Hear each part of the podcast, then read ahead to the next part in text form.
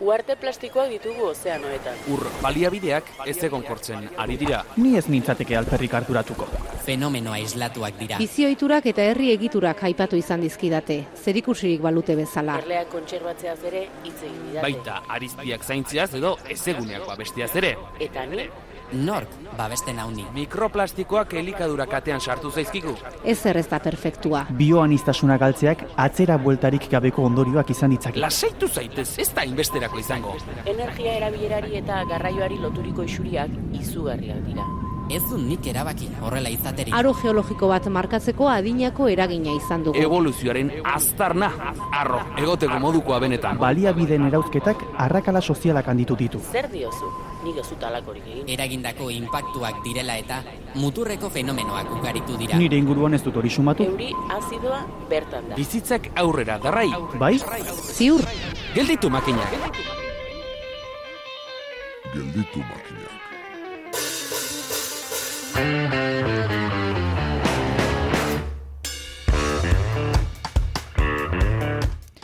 Mila bederatzireun eta irurogeita amarrean jaiotakoek, barneratuta ez baduzu ere, ia berrogeita amabost urte dituzue, zerbait baina gehiago da. Zuen existentzia denez geroztik, ibaiek zer egin dute, obera, okerrera, berdin mantendu dira, ez da irurogeita amarrean jaiotakoek, ibaietan eregin berezirik duzuelako, baizik eta mila bederatzireun eta irurogeita bederatzi eta bi mila eta hogei bitartean bildutako datuetan oinarrituta, Europako hogeita bi herrialdetako ibai sistemetako biodibertsitatearen bilakaera ikertu dutelako. Eta ondorioa, deigarria da. Ibaietako ekosistema eten eginda. Aitor Larrañaga izango dugu gurean ikerketan parte hartu duen EHUko Ibai Ekologia taldeko ikerlaria.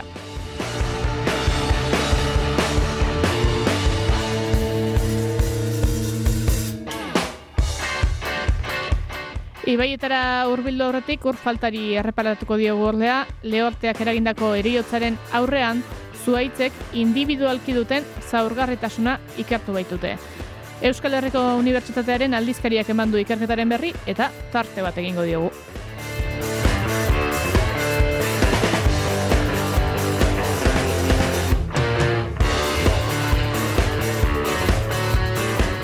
Eta saioa borobiltzeko negu giro honetatik bereiziko ez dugun gaia, material isolatzaileak. Zientzialari atalean izango dugu Marta Urlanpileta, jatorri naturaleko polimero bat izango du aipagai, isolatzaile akustiko eta termiko ona izan daitekeelakoan. Zer eta artilea.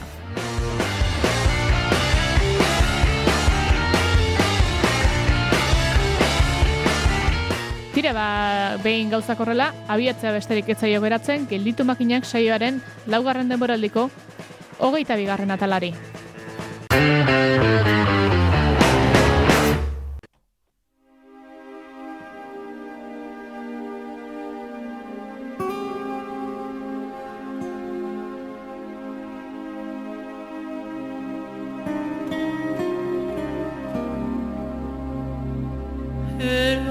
kishori arenas pi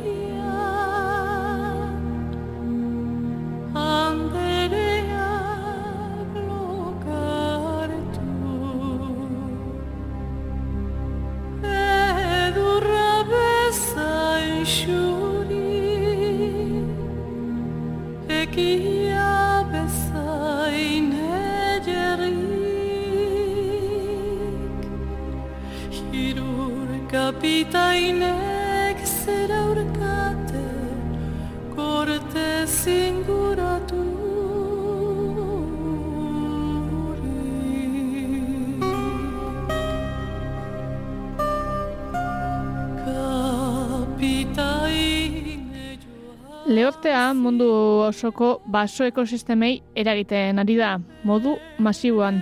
Eta ezinbesteko da lehorteak eragindako eriotzaren aurrean zuaitzek duten banakako zaurgarretasuna ulertzea. Euskal Herriko Unibertsitateak parte hartu duen azterlan baten arabera, zuaitzen azkundearen eta klimaren desakoplamendu batek eragin dezake eriotza tasa hori. Horrela, eskuragarretasun hidrikoaren aurrean zuaitzen azkundeak duen sentikortasuna erabilaiteke eriotzaren alerta goiztiarrerako seinale gisa. Adierazle mota horiek oso lagungarriak izan daitezke basoko ekosistemetan aldaketa klimatikoak arintzeko eta ari egokitzeko neurriak diseinatzeko orduan. Asier Herrero, Euskal Herriko Unibertsitateko landaren biologia eta ekologia saileko kidea izan da ikerketaren parte, eta Euskal Herriko Unibertsitatearen aldizkarian jaso dugu bere berri. Salutatu berriak ere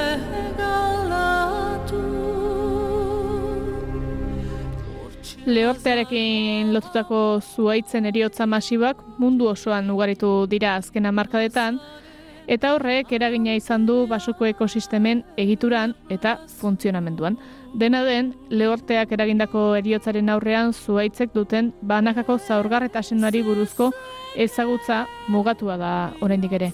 Orain dela gutxi, azkundeak eskuragarritasun hidrikoarekin duen sentikortasuna murriztea, zuaitzen eriotza arriskuaren adierazle potentzial gisa Pinus silvestris espezieko baso mediterraneo batean lana aurkeztu dute, hori da lanaren izenburua hori da bintzat, arazo hori argitzen laguntzeko. Asier Herrero, ikerlariak berek aipatu duenez, Espainia erdialdeko baso edadura zabal batean, gertatutako eriotza masiboak eragin zuen faktoreak identifikatzea izan zen azterlanaren helburua. Pinus silvestris espezia gailentzen zen eremu hartan, oso edatuta dagoen eta garrantzi ekonomiko eta ekologiko handia duen espezie bat.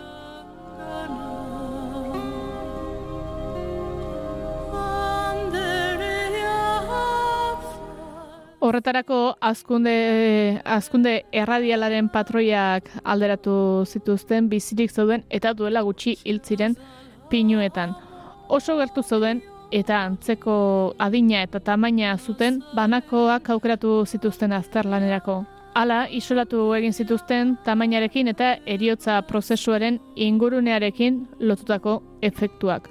Honako hauek alderatu zituzten zuaitz bizien eta hilen artean.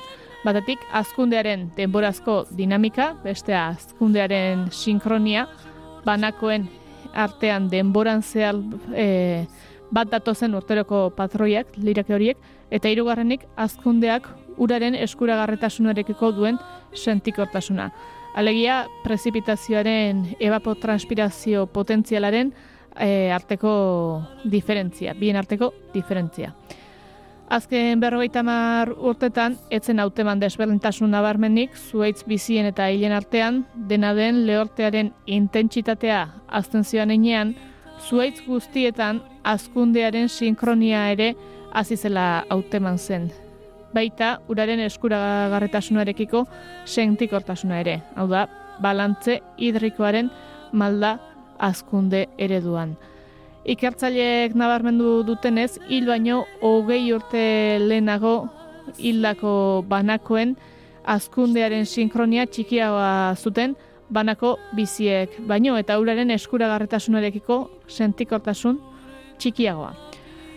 Azkundearen sinkronia eta uraren eskuragarretasunarekiko azkundearen sentikortasuna murriztu izanak honako hau iradokitzen du. Desakoplamendua dagoela zuaitzen azkundearen eta klimaren artean.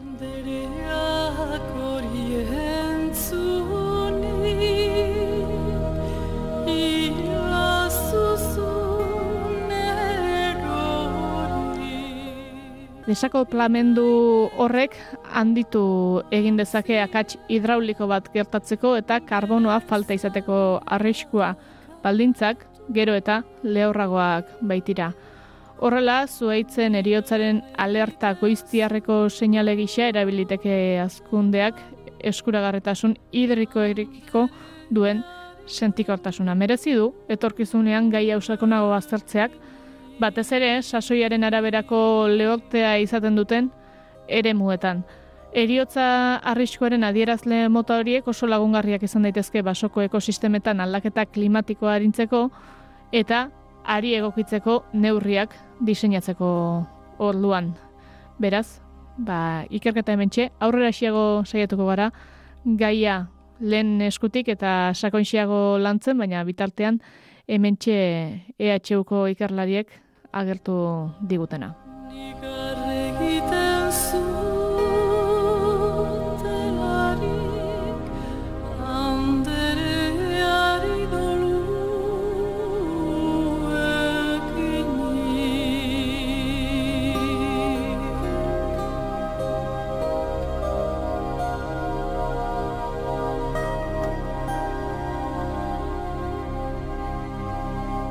Ura bizitzarako ezinbesteko elementu dela jakin badakigu, baina baita ekosistemen osagarri ere zuaitzak arroetako magaletan utzi eta bagoa zibaiko biodibertsitatea aztertzera.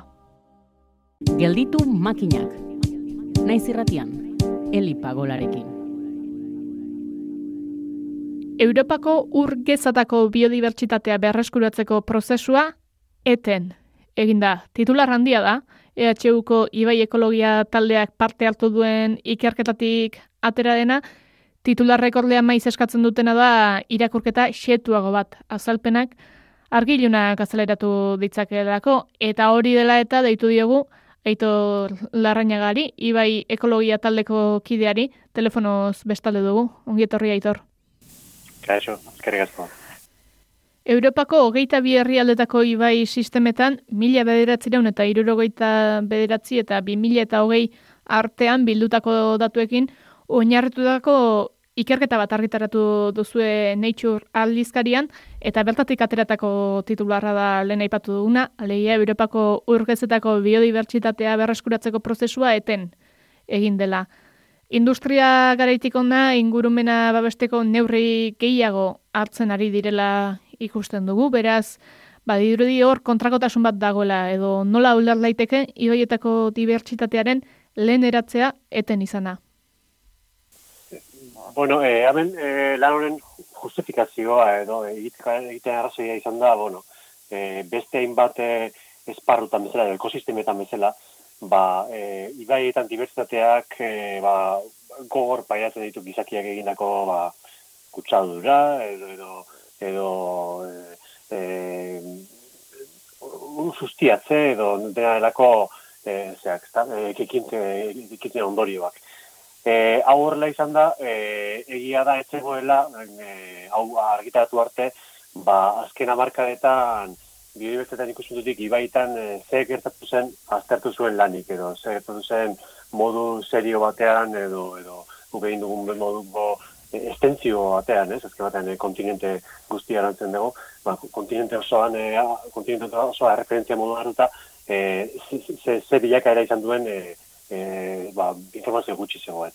Beste zenbait esparrutan, lehorreko ba, ba, insektuetan da adibidez, ba, garbi ikusi da gainbera ba, izugarria e, paiatu dutela, espeziak e, galtzen ari dira, ugaitasuna geisten ari dira, eta ba, guk nahi genuen e, urgezetan e, hori horrela izan zen edo ez e, e, desk, deskribatzea.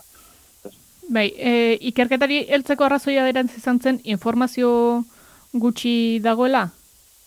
Neurri batean bai, eta e, zegoen informazioa pixkat kontra esanekoa zen. E, Bazeuden lan batzuk, e, lan bat bati bat esaten zuena, ba, e, lehorreko intsektuetan edo ornogabetan, ba, berakadak ikusten ziren bitartean, ba, e, uretakoetan e, gorakadak ikusten zirela, e, hobekuntza ikusten zirela.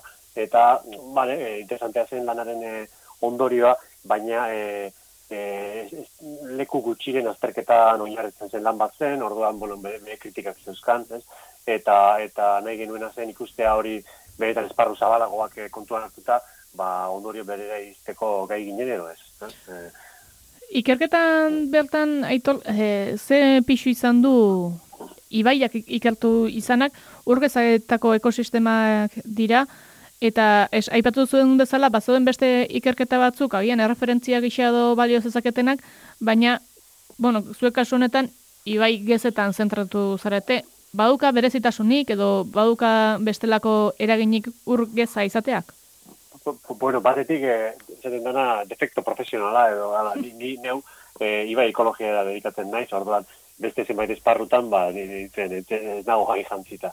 Baina egia da, eh, epe luzeko jarraipenak eh, dauzkan sistema bakarrenetako bat dela. Hau da, oso ekosistema gutxi dauzkau, ibaiak bezala urtero, eta urtero gaina behin baino gehiagotan, lagintzen direnak, ba, legeak, araudiak edo, edo, edo ba, leku bakoitzeko gobernuak ala, e, bueno, e, katu duelako, ez da? Ala, ala, ala egitea egokia dela iruditu zailako duela markada askotan hasita gainera.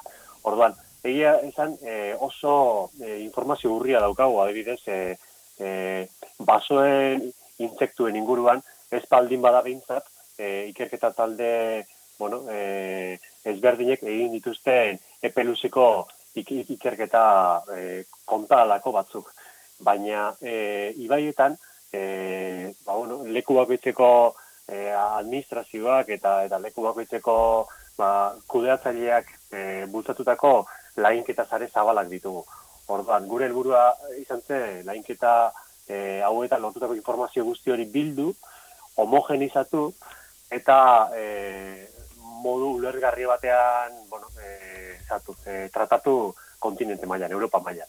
Orduan, ez da izan hainbeste e, ibai aukeratzea beretan gakoa direlako. Egia da, best, bestalde, esan behar dute, ibaietan erreflejatzen direla, ba, arro mailako impactu asko eta asko.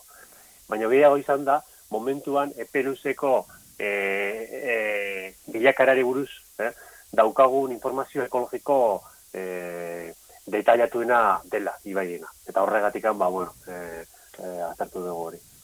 Bai, e, zuen ikerketa talde azkain beste ikerlari ugarik aipatu izan digute hori ez, bai, ibaiari begira jarritakoan, e, edo ibaia ulertzeko ez dela nahikoa ibaira begiratzea, bizik eta arroa osoari erreparatu behartzaiola, eta diozunaren aritik, urteroko laginketa egiten da ibaietan, informazio dezente dagoela esan dezakegu, naiz eta ondoren alako ikerketa gutxi edo nahi beste ez diren egiten ondoriotara heltzeko, zuek ikerketa honi heltzerako orduan, zen ituzten datuak eta begibestan izan da, bazen eukaten hipotesirik, nora baiteldu nahirik bazen eukaten? Bueno, a ver, eh, deskria pena zen eh, lanaren helburua. Hau da, eukitzea, ze gertatzen ari denaren irudi garbi bat. Bai, eh, eta bai, urteroko lainketak ematen digu izugarrizko erresoluzioa, ez? E, horre, ba, Euskal Herrian dauzkagu momentuan, e, adibidez, e, e, bizare, ez? Urak edo e, ura agentziak, ez? E, daukan e, Euskadi mailako zare bat, e, lainketa zare bat, eta e, Gipuzkoako e, Gipuzkoako aldundia daukan beste e, beste zare bat. Biek egite dituzte e, lainketak urtero eta gainera bauzkagu lainketak e, e, izaki bizidun berdinenak, kasuntan, ez da baina orno gabe buruzko lan bat da. E, baina lainketak arrainen ingurukoak egiten dira, e, alge inguruan egiten dira, makrofitoen inguruan, buruz, makrofitoen inguruan ere egiten dira. E, baina e, laiketa guzti hauek birritan egiten dira zenbait kasutan, ez, e, gara izberdinetan, eta resoluzio horrekin izugarrizko informazio lortzen da. Orduan, e, helburua et, hipotesi nabarmena, bueno, bai, ba, ba idearen bat, ba, errekuperazio bat edo e, ikusiko genu, genuela. Ez, ba, e, antzen baten dugu, ba, gaur egun, ez ditugula ikusten, duela amarkadetan ikusten ziren, ba, erreka da ibai zikin joiek, ez da, hau da, espumaz betetakoak edo kolorez berdinetako urak, olako kontuak iztu ikusten. Orduan, e, gu e, hemen dauzkagun datu baseak, ba, mila behatziron eta larogeita mar inguruan azitakoak dira, lehenago ere bauzkago e, puntu batzuk laginuta, eta hortik ona, ba, bagenekien garbi ikusiko genuela, hobekuntza. Baina hobekuntza hori nolakoa izan dan, noiz izan dena alt, e, azkarragoa, e, noiz e, mantxotu den, mantxotu baldin bada, e, bera egin alduen azken, egin alduen azken aldian, gu guzti hori deskribatu nahi genuen, ez? E, oso lan, deskriptiboa zen, oinarria ezartzea zen azken batean gure gure helburua, ez? E, ketatzen denaren e, e, deskribapeno, oinarrizko deskribapena ezartzea. Hmm. Bere alaxe sartuko gara proiektutik ate, ikerketatik atera diren emaitzetan eta horien gainen egin daitezken irakurketetan, hala ere, e, aipatu dugu, Europako ibaiak e, orokorrean aipatu dugu, ez dakit, ibai guztiak ikertu dituzuen, erreferentzialtasun bat izan dezaketen ibaietan zentratu zaren, ze akotazio izan duen proiektuak nola baita? Bai, ez hor, bueno, e, iniziatiba e, Alemaniatik etorri da, ez, e, lehen autore, lanian lehen autore dagoen pertsona batek sortu zuen, eta, bueno, e, dei bat egin zuen, ba, Europa mailan e, ornogabe inguruan e, errepikatuz, erre, errepikatuta zeuden laginketa, e, zeak laginketa e, zako dugu, programak edo, non zeuden identifikatu eta hoien datuak lortzea zuen helburu. Orduan, bueno, e, justu e, martxan dudan proiektu batean, ba, horretan ari naiz e, lanean, e, modu lokalean, eta ba, aproposa zen iniziatiba hau eta iniziatiba hortara lotu ginen. Orduan, etzen hainbeste izan, ba, e, elkartu ginenak, pentsatu genuela, non komeni zitzaigun informazio izatea, baizik eta e, printzipioz, dagoen informazio guztia daukagu. Guztiak akotxen artean noski beti ere. E, aldugun eta e, bueno, pertsona gehien gana irizten zaitu gara, eta ziur nago, ba, gutxi bat, leku gutxi batzuk, ba, e, e, ba, informazioa gehitu direla, edo bazegoela aukera, ba, zenbait e, datu base sartzeko, baino printzipioz e, dagoen gehiengoa, Europa mailan dagoen gehiengoa, hor dago. Bai, juntu izan behar dugu, e, lainketa ze hau, programa hauek, e, lekutik lekura asko aldatzen direla. E, Esko autonomia erkidegoan oso, oso lainketa e, programa e, muturrekoa daukagu, hau da. E, mundu maila oso leku utxitan egiten den bezalako lainketa egiten egiten lainketa programa bat daukagu, bai uraren kasuan eta baita e, Gipuzkoako aldundiaren kasuan ere, eta bestereko askotan e, momentuz e, dauden lehen e, legek ezartzen duten minimoak betetzera joatzen dira. Eta askotan izaten da, ba, irurtean behineko laginketa bat, eta, bueno, ba, horiek, ez zituzten e, ikerketa honetan nahi genituen e, e, bueno, datuen kalitateen baldintzak betetzen, orduan kanpo geditu ziren, eta, bueno, ba, hor bazen beste e, zenbait e, kontu, ba, bueno, e, bat, e, e, datuen kalitatearen ikuspuntutik, ba, e, ere batzuetan informaziorik etzegoela. Ez zera inbeste izan, e, aukeratzea zonaldea, baizik eta esatea, bueno, ber, zer daukago Europa mailan e, oni buruzko, oni buruz, eta e, guzti hori guazen e, e, bateratzera eta eta e, aman komunean, ba, bueno, e, ondori horoko ateratzea.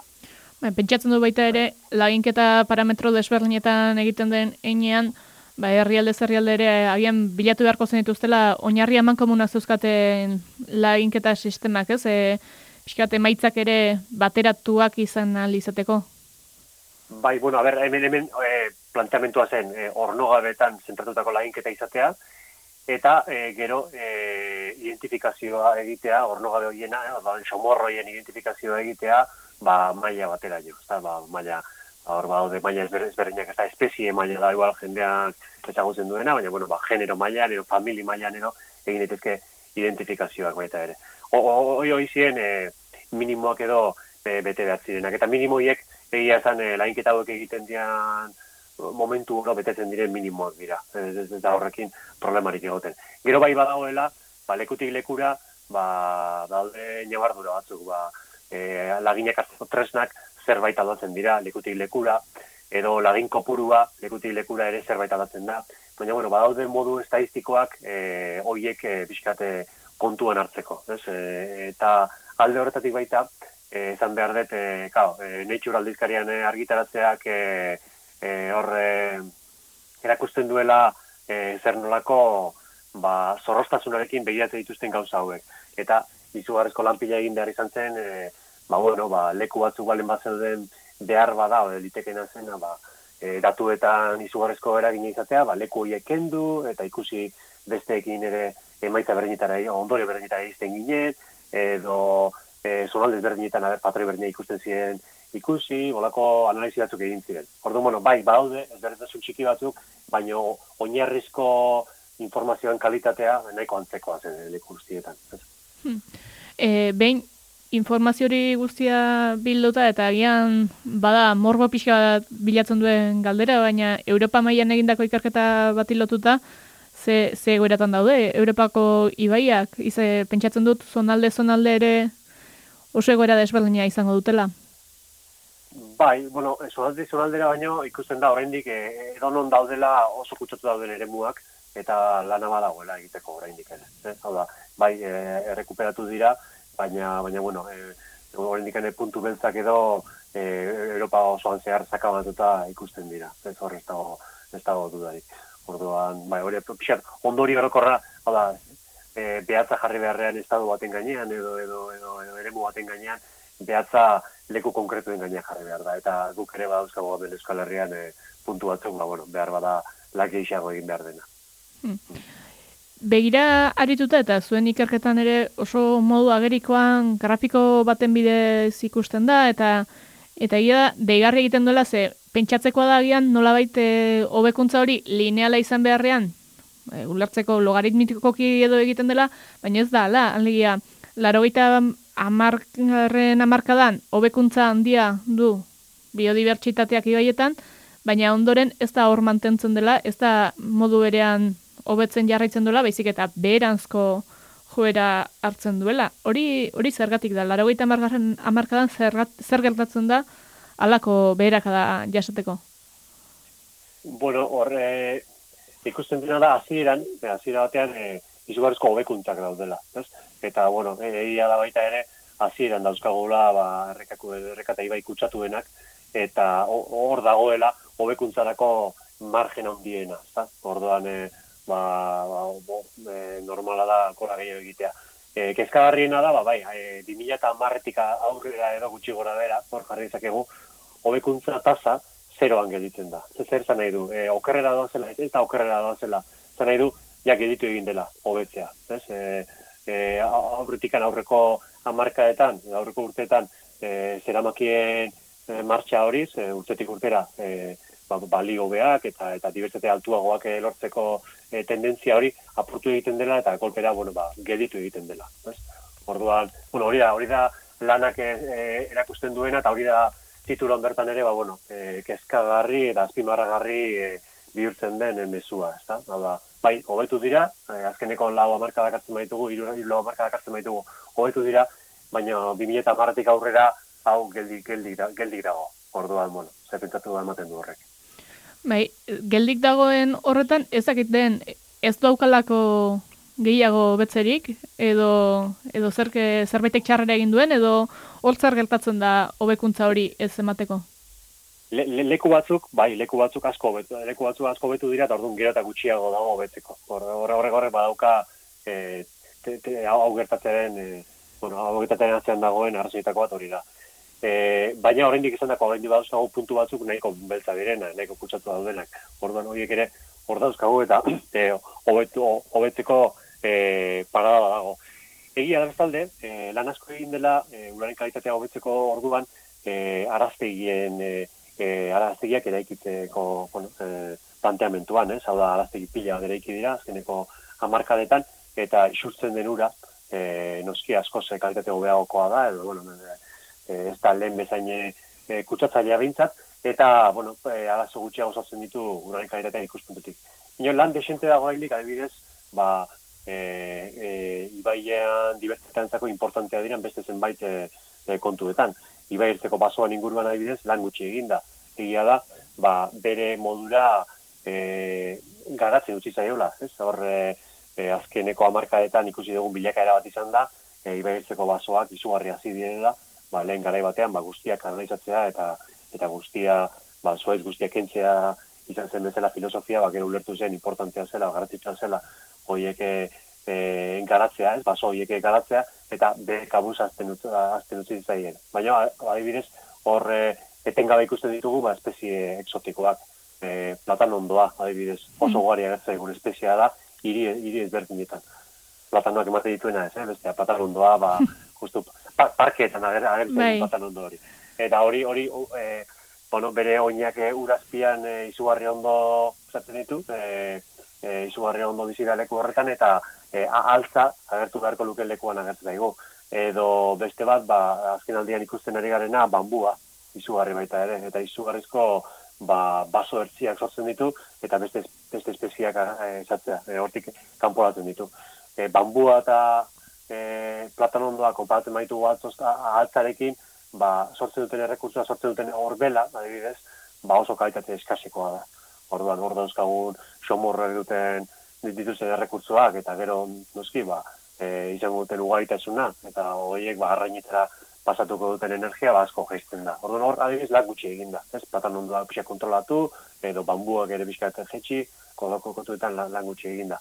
Be, bestalde, lan egiten ari da baita, eta hor, e, e, nahiko kontinua e, e, da, martxan da bilen kontu bat da, ba, e, ibaietako e, habitataren e, kudeaketan inguruan, ba, ebidez, e, e, presa edo edo orako e, barreren e, e, lehen eratzean edo barrera kentzen, ez? Horre, barrera txikiak, ba, lehengo e, hidroelectrika txikienak, edo lehengo errota txikienak, horiek kentzen ere, hande egina, eta horrek hobekuntza sortzen ditu. Baina hor baude baita ere, ba, erreka txikietan bati bat, ba, e, lehen edo errestauratzeko ba, beste modu batzuk ere, ez? E, e, e, e, egur, e, egur pilaketan bitartez, edo ba, me, metodo batzuk, e, ba, erabide daitezkeenak, oraindik ere, habitat gehiago sortzeko eta espezie gehiago erakazteko, guaitasunak emendatzeko, eta, bueno, ba, azken batean, e, naturalagoak edo bilakatzeko orduan. Bai, e, araztegien kontua behar beharrezkoa zen, eta, bueno, jarraitzen du izaten, da oraindik ere hor ziur badagoela, nahiko esparru ba, e, hobekuntzarako edo nahiko ba bueno bai e, e, hobetzeko moduko kontuak badaudela baina badaude baita ere pixkat bigunagoak diren beste lerro batzuetan ere ba hori habitata ibesteko baso kontuetan ere ba hobekuntzak sortzeko aukera Aipatu duzu pixka bat eta agian e, horri lotuta, ba, hobekuntzarako neurri ugari hartu dira, e, ikusi besterik ez dago, visualki behintzat gero agian ikerketetan eta bestera egin bada izango dute, baina kutsadura hori gutxitu dela, Hala ere, bueno, ba, bai aipatzen duzuela, ibai ekosistemak kaltatzen dituzten presio berri eta iraunkorrak badaudela. Eta agian aipatu duzu, ez, pixkat, ba, baso gintzari dauzkionak izan daitezkela, baita hidroelektrikari eta horrela egiten diren oztopo edo presa hori dauzkionak izan daitezkela. Ez dakite gehiago dauden edo nola, nola sailkatu dituzuen presio berri horiek? Gaur egun pixkat, bueno, bai, esan dituzunak e, dudik gabe hor daude, e, bueno, e, oso garantzitsua dira, eta eta kudeatzaileek ere nik uste modu, bueno, e, serioago batean hartu beharreko kontuak direla. E, besteak beste baudelako hoien eragina e, ibaietan, ba, pixkat, e, lehuntzeko moduak ere, ez?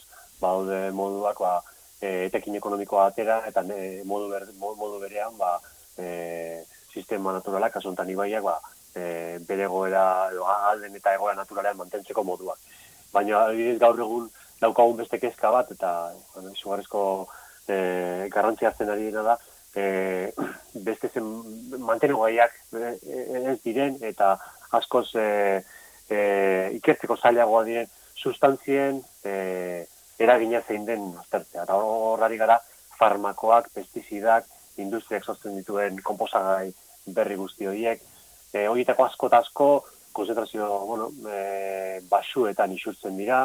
Printzipioz konzentrazio horietan, bueno, eragin txikiak dauzkatela ematen du, baina koktel nahiko komplikatuak sortzen dira, ez direlako sustantzia bat eta bi bakarrik bilatzen. Eh? Hor, e, martxan dako beste ikerketa ikusten ari gara, ba, edo zein e, lekutan topatzen ditugula zerrenda oso luzeak gizakiak sortu dituen sustantzienak konzentrazio bajuetan bai, baina e, hori da, ez dakigu benetan horrek zenolako e, efektua edo eragina izan dezake izaki bizionetan. Eta orduan, bueno, e, hori ere aztertu beharreko kontua da. Iskat, e, horrek laburtuko zuen, e, dakit, nik uste gaur eguneko impactu nagusien zerrenda edo. Noski, izakiak kudeatu izakeena eskala lokal batean, ja, gero jartzen badema gara bat klima aldaketa eta e, bueno, beroketa globala eta lau kontuetan, ba, bueno, ba, horre duderi gabe ari dela e, bueno, aldak aldaketak sortzen eta eta nabarmentzen ditugu aldaketa horiek, baina hori ja eskala lokalean konpontzekoak baino globalagoa dira. Bai, ez globalago horietatik eta ba, esan duzun bezala inguruko inguru baldintza horiek edo baldintza klimatiko horiek ere eragin nabarmena izango dutelako bueltan bueltan ibaian bertan bai noski, bai ikusten ari gara, e, ikusten ari gara ba lehorteak eta ugariago direla, e, bueno, lehen lehortea oso zailak ziren e, e, erreka, erreka edo ibaiak ba gaur egun e, arrunta da, e, tarteka lehortzea, e, kontrara ere, bai, ikusten ari gara, ugolden frekuentzia, ugolden maiztasuna izugarri mendatu dala. Orduan, e, lehen e, ugoldeak izatea arraroa zen garaitan, oain izugarrezko goldea hundia dauzkagu, eta noski horrek eh, ba, dibertzetan entzako ba, izugarrezko e, kalteak esotzen ditu. globaletik pixka bat lehen lokalera ere egingo dugu eta gure inguruetan Bueno, esan dezakegu, ibaien egoera pixkatu hobetu dela, eta, bueno, Europa mailatik datorren e, hogeita bost mila kilometro horiek aske izatearekin, eta botatzen ari diren presa, erabileraz kanpoko presa, eta oztopoak direla, eta zuen ikerketa taletik ere agertu izan da, ez? Nola, ba, artikutzan kasu, ba, mutur luze Pirinearra ba, itzuli den, edo agertu den berriz ere, e, igarabak ere ikusi dira inguruko ibaietan, Nahia, pixkat, e, galdutzat ematen ziren, edo beraien populazioa oso txikitzat ematen zen espeziak, ugaritzen ikusten direla, horrez gain, ez egit, aipatu dirugun baldintza klimatikoek, e, bestelako e, ekosisteman eragina duten, bestelako eragileek, ba, aipatu ditugun e, farmakoak eta beste, eman duten bide espezie exotiko edo inbaditzaileen presentzia ere areagotzeko. Eh, zaila esaten. Momentu ez dauko horrako evidentziarik, ez? Biak batera gertatu, gertatzen ari zaizkigu momentuan, eta biek eh, sortzen dute e, eragina. Baina batak bestearen gane daukan, eragini daukan, edo horrako e, elkar eraginik ikusi dugun, horri, buruz ez nizuke, zakit, ez nizuke erantzen dik emango. Nik uste biak batera agertu zaizkigula eta ez daukagula argi, batek, errastu duenik bestearen e, e, bilakaera edo. Gero badakizu titular zale jarretan gaudela eta alako formatuko galderak erantzutea erraza ezpada ere egitea badagokigula eten den edo hobeto esan da hobekuntza tasa zerora mugatu zaion biodibertsitatearen lehen eratzea aktibatzeko zuek ze neurri proposatzen dituzue? Ni nik uste, e, bueno, bai, e, orain di badago, badago nahiko, nahiko lan, esan dako esan da, esan da moduan, ba, ahaztegietan ba, gauzak optimizatzeko, ez? Hor badaukagu, ba, e, ez dakit, ari dira pixkanaka, pixkanaka, ba, ur plubialak edo euri urak ba, ez bidiratzeko ba, zeak egiten, eh, lanak egiten, eta horrek ba, ahaztegien e, efizientzia emendatuko luke, eta, bueno, ba, hor, e, kutsatzaile gutxiago eritxiko, gutxi gutxiago eritxiko ziren orain dikere ubidetara, ba, hau ahaztegietan baita ere, bueno, e, e, metodo berriatzuk aplikatu daitezkeenak, e, ba, eh, esan ditugun komposagai eh, komplexu horiek, ez, eh, ba, farmakoak, pestizida guzti hori, ba, eh, degradatzeko, edo, edo orain egiten dena baino gehiago degradatzeko behintzat. Bai, baina hori metodo gogorrak edo eh, deitu daitezke, ez da? Baina metodo bigunetaz nik uste ahazten ari garela momentuan. Hori, eta metodo bigunetaz hartzen dut adibidez, ba, espezia arrotzen kontrola. E, espezia arrotzen kontrolan gainean, ba, berriro ere, e, ba, platanoa adibidez, ez? Platanoa eta ibarbasoaren errekuperazioa. Hori izan daiteke, zerbait, ba, e, modu nahiko, bueno, e, e, kao, programa bat egon behar du noski, plan bat egon behar du, eta pixkanak egin behar den zerbait da, ez, ez ditu kolpera botako e, Euskal Herriko platanondo guztiak, baina egon beharko luke nolabaiteko, bueno, e, peluseko horrelako plan bat, ba, platanondo hiek e, altzadiz e, ordezkatzeko.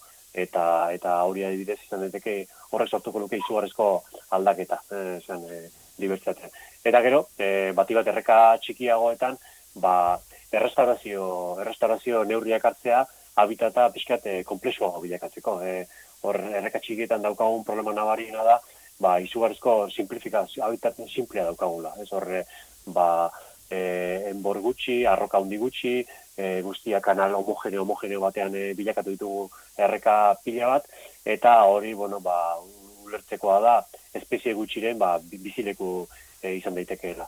Bueno ba hori e, komplexuago bihurtzera nola ba e, ba erabiltzen den metodo erzena da enborrak enborrak sartuta. Eta enborrekin egin zagun presak presek salto txikia sortzen dituzte eta nik uste hor badagoela e, gainera e, ez e, dibertsatea ikuspuntutik e, interesantea den e, bueno, bide bat, baizik eta e, dauzkagun errekak atraktiboagoak, erabilgarriagoak, umeentzako, bueno, e, bueno, bai, e, joateko gogoa zartzen zaien lekuak e, sortzeko moduko lerro bat, eta, eta gutxi espotatzen dena. Nik uste lehen iratzeko proiektu bigunago hobetan, e, ausartagoak e, izaten jatzen zaigula. eta hor, horrek asko lagunduko dukela, ba, berriro ere, ba, hobekuntzak e, e, ikustena hasteko. Lehen eratzeko neurri bigun horiek aipatzen dituzunean, e, Euskal Herri maila zari zara, edo Europa maila zari zara? idealki, bueno, Europa mailan eta, eta, eta mundu osoan e, leku guztietan egin dena da. E, kanalen simplifikazioa, habitataren simplifikazioa, e, edonon, edo, edonon da mundu osoan e, problema. Baina, bueno, bai, e, Euskarri mailan asko egin daiteke, e, e, osea, horretan. Noski, e, segun eta zelekuri buruzari garen, ba, e, metodo batek edo beste bat, beste, e, beste metodo bat edo beste bat e, aplikatu beharko zen, eta lekuz leku ba, aldatzen da hori. Baina badaude, badaude bideak eta lan asko egin da. Ikerketan aldetikan, ba, bueno, lan asko egin dute, dugu, e, bueno, e, horrelako ba, ekintzek sortzen duten hobekuntza aztertzeko. Eta ja, evidentziak badauzkagu, eta orain nik uste falta dela, ba, hori horiek, ba, zenbait leku konkretuetan, ba, aplikatzen hasi eta, eta bueno, pixkate hobekuntzak sortzea. Hor da, eitor ezagit, e, utopia bat izango litzakeen edo, edo ez, baina aurrera begira, epe motxean beharko dugu, zerbait esatearren, Euskal Herrian zer aldaketa ikusi nahiko zenuket, e, edo, edo ze txipaldaketa desio zenuke zentzu honetan. E, nik, nik, nik uste e, izan, izan daitekela e, metodo bigunen e, erabilera e, zehatzea, e, erabilera e, arruntago bilakatzea, bai? eta leheneratzeko proiektuak e, e, diseinatzea. Oda, leheneratzeak baina ja ez garan, ja ez naizari ibaietan bakarrik, e, basoetan ere bai. Bai, momentu honetan adibidez, e, basoen kudeaketa, baina baso naturalen kudeaketa. E, esan nahi dut, ba, herri ezberdinetan izan ditzakegun baso interesgarri, zaharren kudeaketa, eta ez basoa bakarrik, eh? E, zuaitz ale bakarrak e, nola, nola kudeatzen ditugun oso modu, modu estatikoak dira. E, e, egiten dugu bakarra da, e, bueno, e, babestu ingurunea, eta listo. E, e, bilaka, bilakaera izan dezala nahi duen modukoa. Eta ikusten ari gara, bat zenbait kasutan horrek e, problema sortzen dituela, eta ez degula ba, nahi besteko arrakasta sortzen. Ba, horra izaizkigu, ba, e, pago mugarratu asko eta asko erortzen, ba, e, adarrak e, astunegia bilakatzen ari direlako, eta hor galtzen ari gara, hemen daukagu, ba, baso, baso zaharren, osuaitz zaharren, ba, e, ba, bueno, horako e, patrimonio importante bat, orduan. Nik izango nuke horregon behar duela, noski, beti ere zintzielariok, e, zintzielarion gomendioen barruan egiten diren kontuak, baino e, ausartagoak izan beharko luketela e, gauzak egiten, zerbait egiten, ez? Lehen eratzeko proiektuak martxan jartzen, momentuan egiten ez dena. Ba, ausaldia dei horrekin itxiko dugu. Ba, eskerrik asko Aitor Larrañaga, Ibai Ekologia taldeko ikerlaria gurean izateagatik, alako ikerlan bat ekartzeagatik ere ez, eta, bueno, egia da oso golosoa zela nola baita esateko titularra, eta horren atzean dagoena are interesanteagoa izanik, ba, gurera hurbiltzeagatik. Ba, eskerrik asko ere, eh? aplazatzeagatik. Gelditu makinak.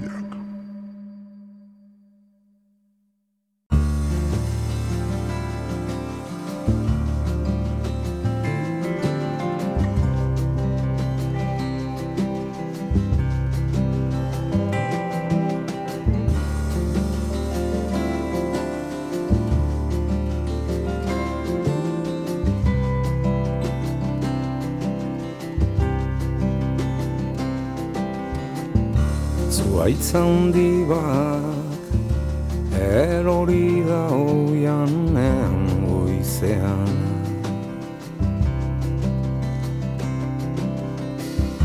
Pasaeran nintzana autotik ikusi dudanean. Zuaitz erorian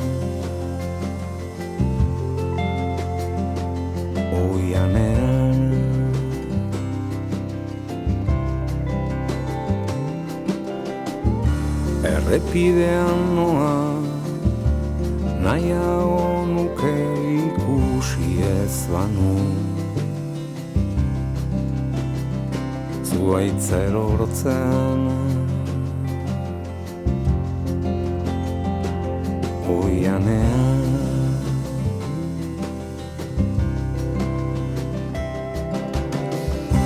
Uste duzuia zuaitzak ere aroa bete duela oianean. Edo arrakalatu dan Atxedenik gabe datzan geure bihotzak bezala. Agurraren ondorengo ondo ezan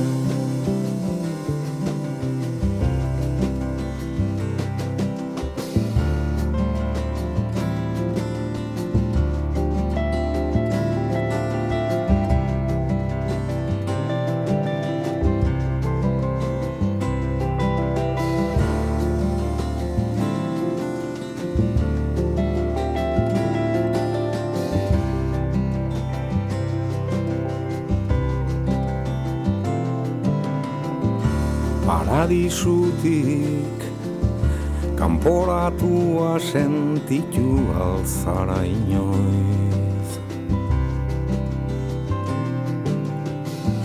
Arrakalatua zauritua nola gaurko izaldean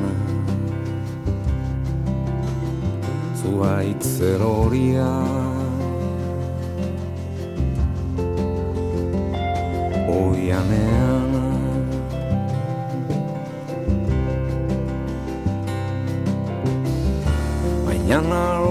hori garogoaz bizitzaren legea da berritzea.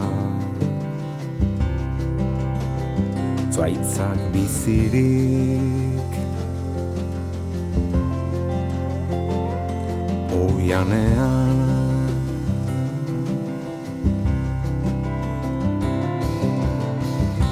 Uste duzuia zuaitzak ere aroa bete duela. Oianean.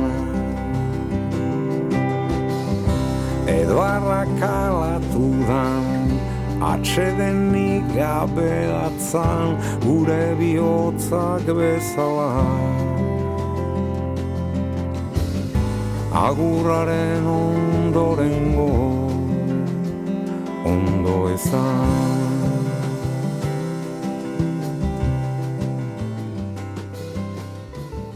Historikoki artilea baserrien diru iturri izan den materialetako bat bazen ere, azken hamarkadetan artilea ingurumen arazo bihurtu da, eta erabat irauli da artilaren egoera. Artile landu gabea kudeatzen zaila den ondokina da, eta gaur egun gastuak eta burua usteak ekartzen ditu dirua baino askoz gehiago material ikuspuntutik ordea, badu aspektu interesgarririk eta hori bera ekarko digu Marta Orlanpiletak zientzialari pilurara bidez.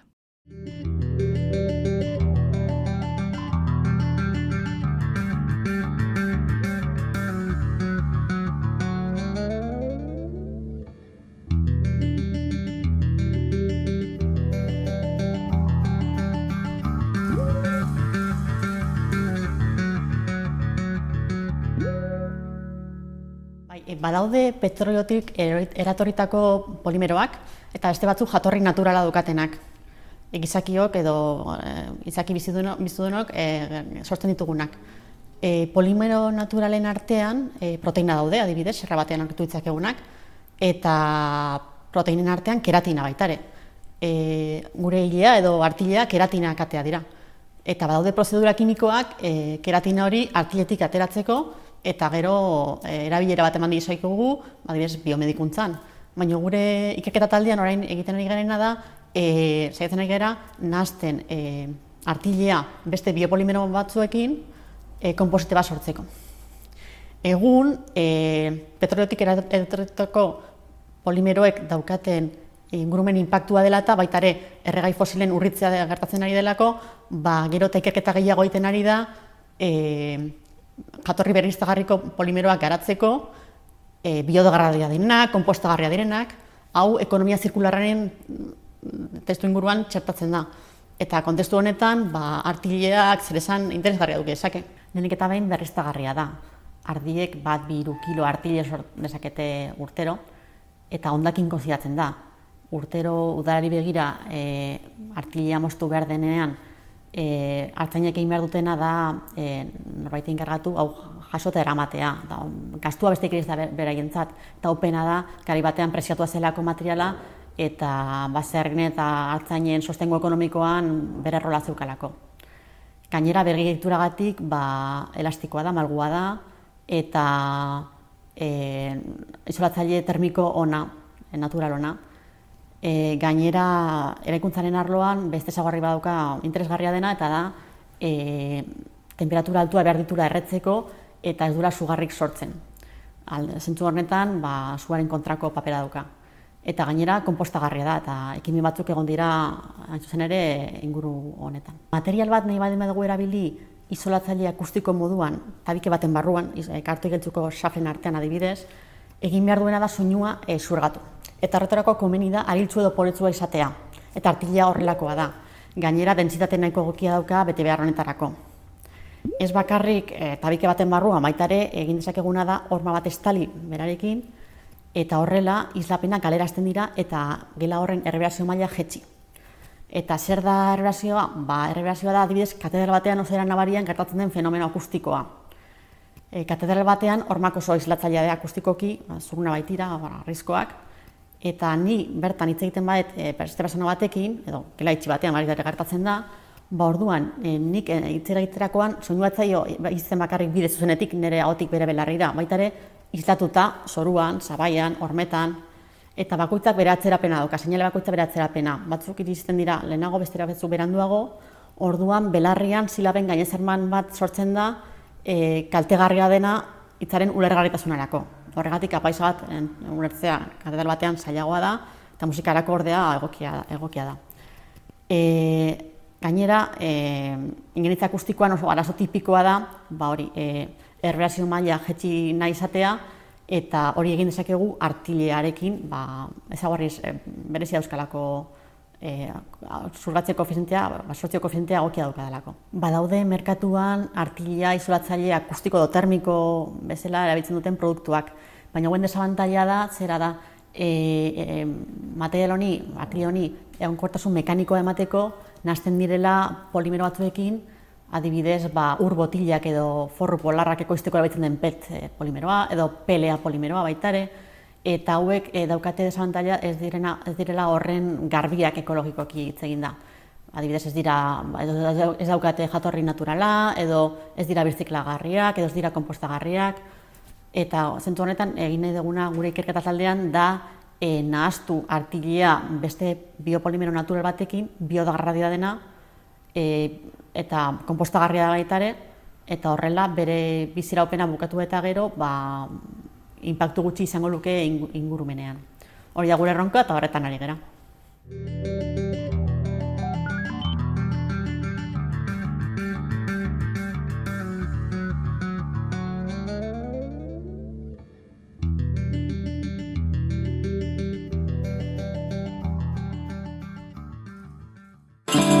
Gelditu makinak, naiz irratian, Eli Pagorarekin.